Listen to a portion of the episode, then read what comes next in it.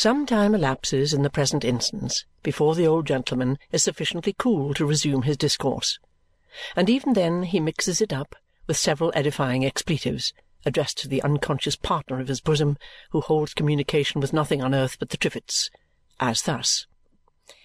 If your father, Bart, had lived longer, he might have been worth a deal of money, you brimstone chatterer. But just as he was beginning to build up the house that he had been making the foundations for through many a year, you jade of a magpie, jackdaw and poll parrot, what do you mean? He took ill and died of a low fever, always being a sparing and a spare man, full of business care. I should like to throw a cat at you instead of a cushion, and I will too if you make such a confounded fool of yourself. And your mother, who was a prudent woman as dry as a chip, just dwindled away like touchwood after you and Judy were born. You are an old pig, you are a brimstone pig. You're a head of swine. Judy, not interested in what she has so often heard, begins to collect in a basin various tributary streams of tea from the bottoms of cups and saucers, and from the bottom of the teapot for the little charwoman's evening meal. In like manner she gets together, in the iron bread-basket, as many outside fragments and worn-down heels of loaves as the rigid economy of the house has left in existence. But your father and me were partners, Bart, says the old gentleman. And when I'm gone, you and Judy will have all there is. It's rare for you both that you went out early in life. Judy to the flower business and you to the law. You don't want to spend it. You'll get your living without it and put more to it. When I'm gone, Judy will go back to the flower business, and you'll still stick to the law. One might infer from Judy's appearance that her business rather lay with the thorns than the flowers, but she has in her time been apprenticed to the art and mystery of artificial flower-making. A close observer might perhaps detect both in her eye and her brother's, when their venerable grandsire anticipates his being gone, some little impatience to know when he may be going, and some resentful opinion that it is time he went.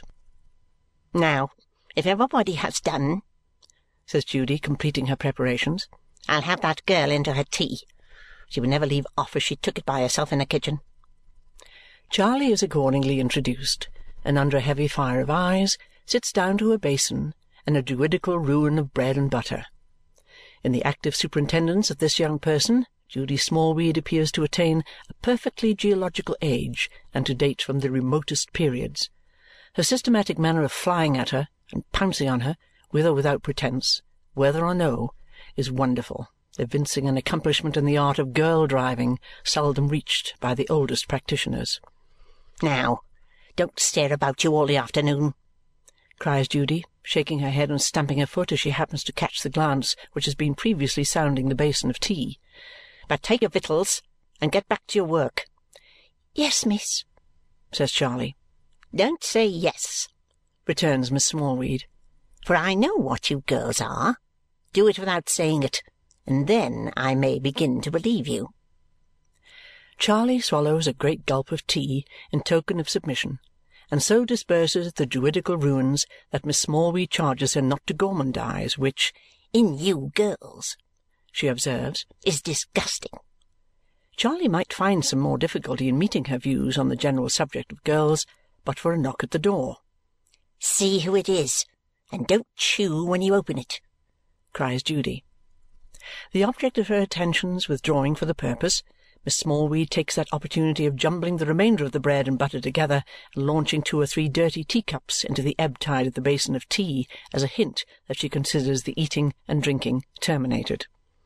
"Now, who is it, and what's wanted?" says the snappish Judy.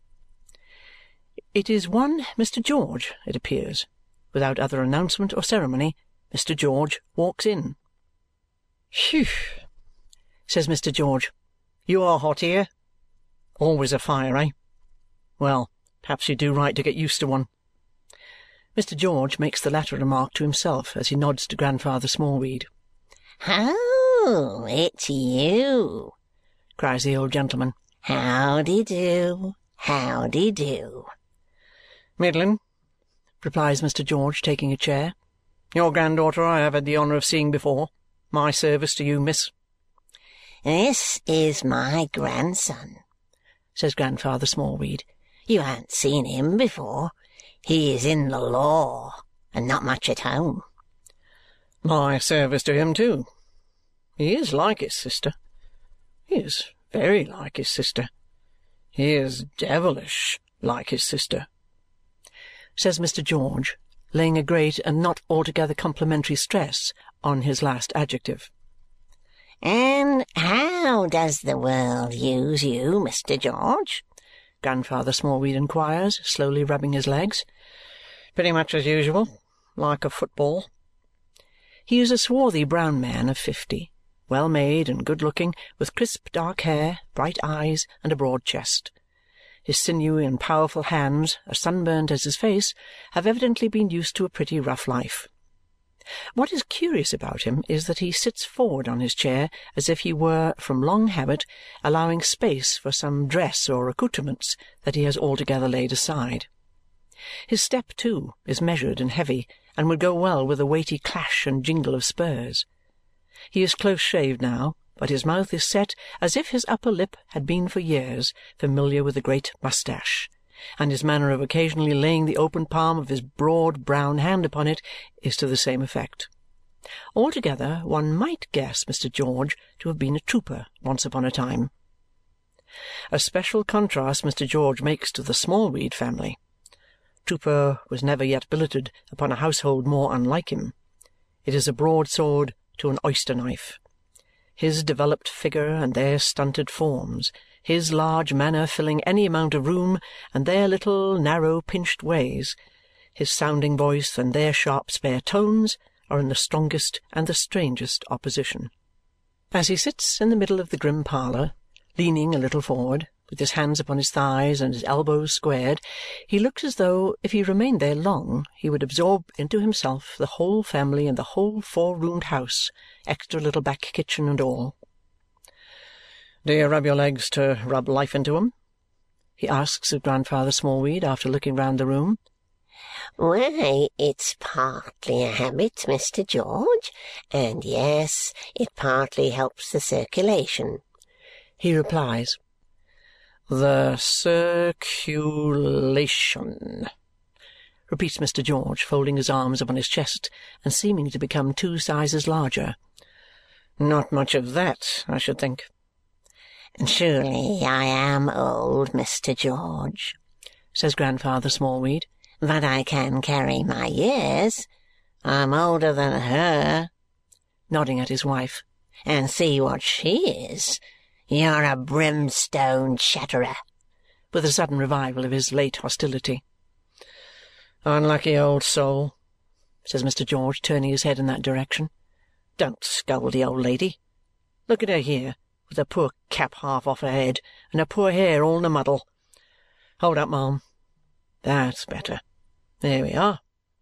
Think of your mother, Mr. Smallweed, says Mr. George, coming back to his seat from assisting her, if your wife an't enough.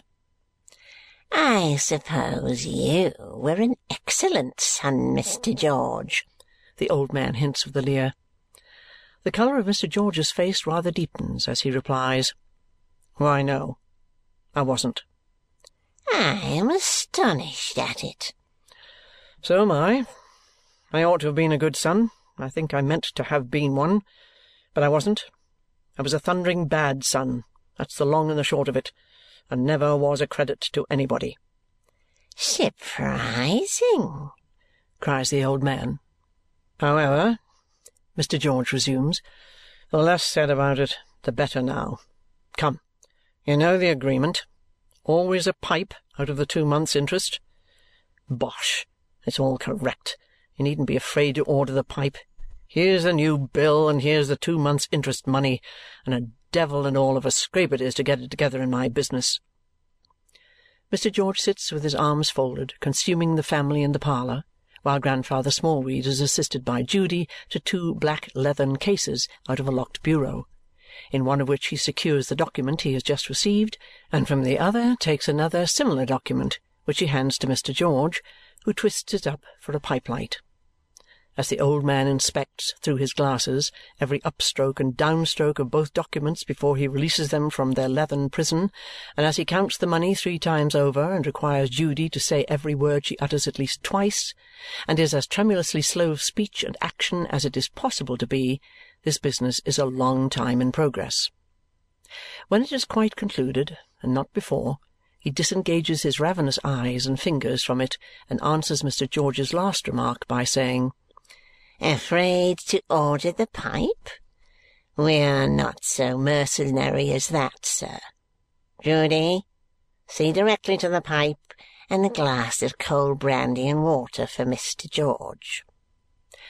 The sportive twins, who have been looking straight before them all this time, except when they have been engrossed by the black leathern cases, retire together, generally disdainful of the visitor, but leaving him to the old man as two young cubs might leave a traveller to the parental bear.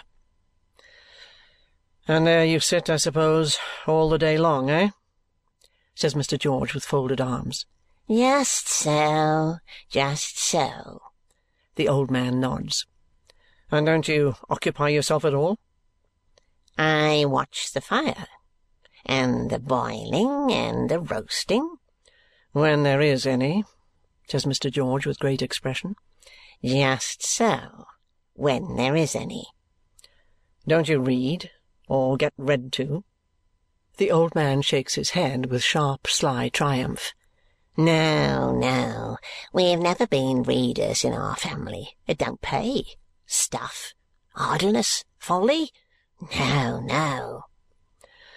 There's not much to choose between your two states, says the visitor in a key too low for the old man's dull hearing as he looks from him to the old woman and back again. I say, in a louder voice. I hear you. You'll sell me up at last, I suppose, when I am a day in arrear? My dear friend, cries Grandfather Smallweed, stretching out both hands to embrace him. Never, never, my dear friend. But my friend in the city that I got to lend you the money, mm, he might. Oh, you can't answer for him, says Mr. George, finishing the inquiry in his lower key with the words, You lying old rascal. My dear friend, he is not to be depended on. I wouldn't trust him. He will have his bond, my dear friend. Devil doubt him, says Mr. George. Charley appearing with a tray, on which are the pipe, a small paper of tobacco, and the brandy and water, he asks her, How do you come here? You haven't got the family face. I goes out to work, sir, returns Charley. The trooper, if trooper he be or have been, takes her bonnet off with a light touch for so strong a hand and pats her on the head. You give the house almost a wholesome look. It wants a bit of youth as much as it wants fresh air. Then he dismisses her, lights his pipe, and drinks to Mr. Smallweed's friend in the city the one solitary flight of that esteemed old gentleman's imagination. So, you think he might be hard upon me, eh? I think he might. I am afraid he would. I have known him do it, says Grandfather Smallweed incautiously, twenty times. Incautiously, because his stricken better half, who has been dozing over the fire for some time, is instantly aroused and jabbers, Twenty thousand pounds, twenty, twenty pound notes in a money box, twenty guineas, twenty million, twenty per cent, twenty, and is then cut short by the flying cushion, which the visitor, to whom this singular experiment appears to be a novelty, snatches from her face as it crushes her in the usual manner. You're a brimstone idiot. You're a scorpion, a brimstone scorpion. You're a sweltering toad. You're a chattering, clattering broomstick witch that ought to be burnt. gasped the old man, prostrate in his chair. My dear friend, will you shake me up a little?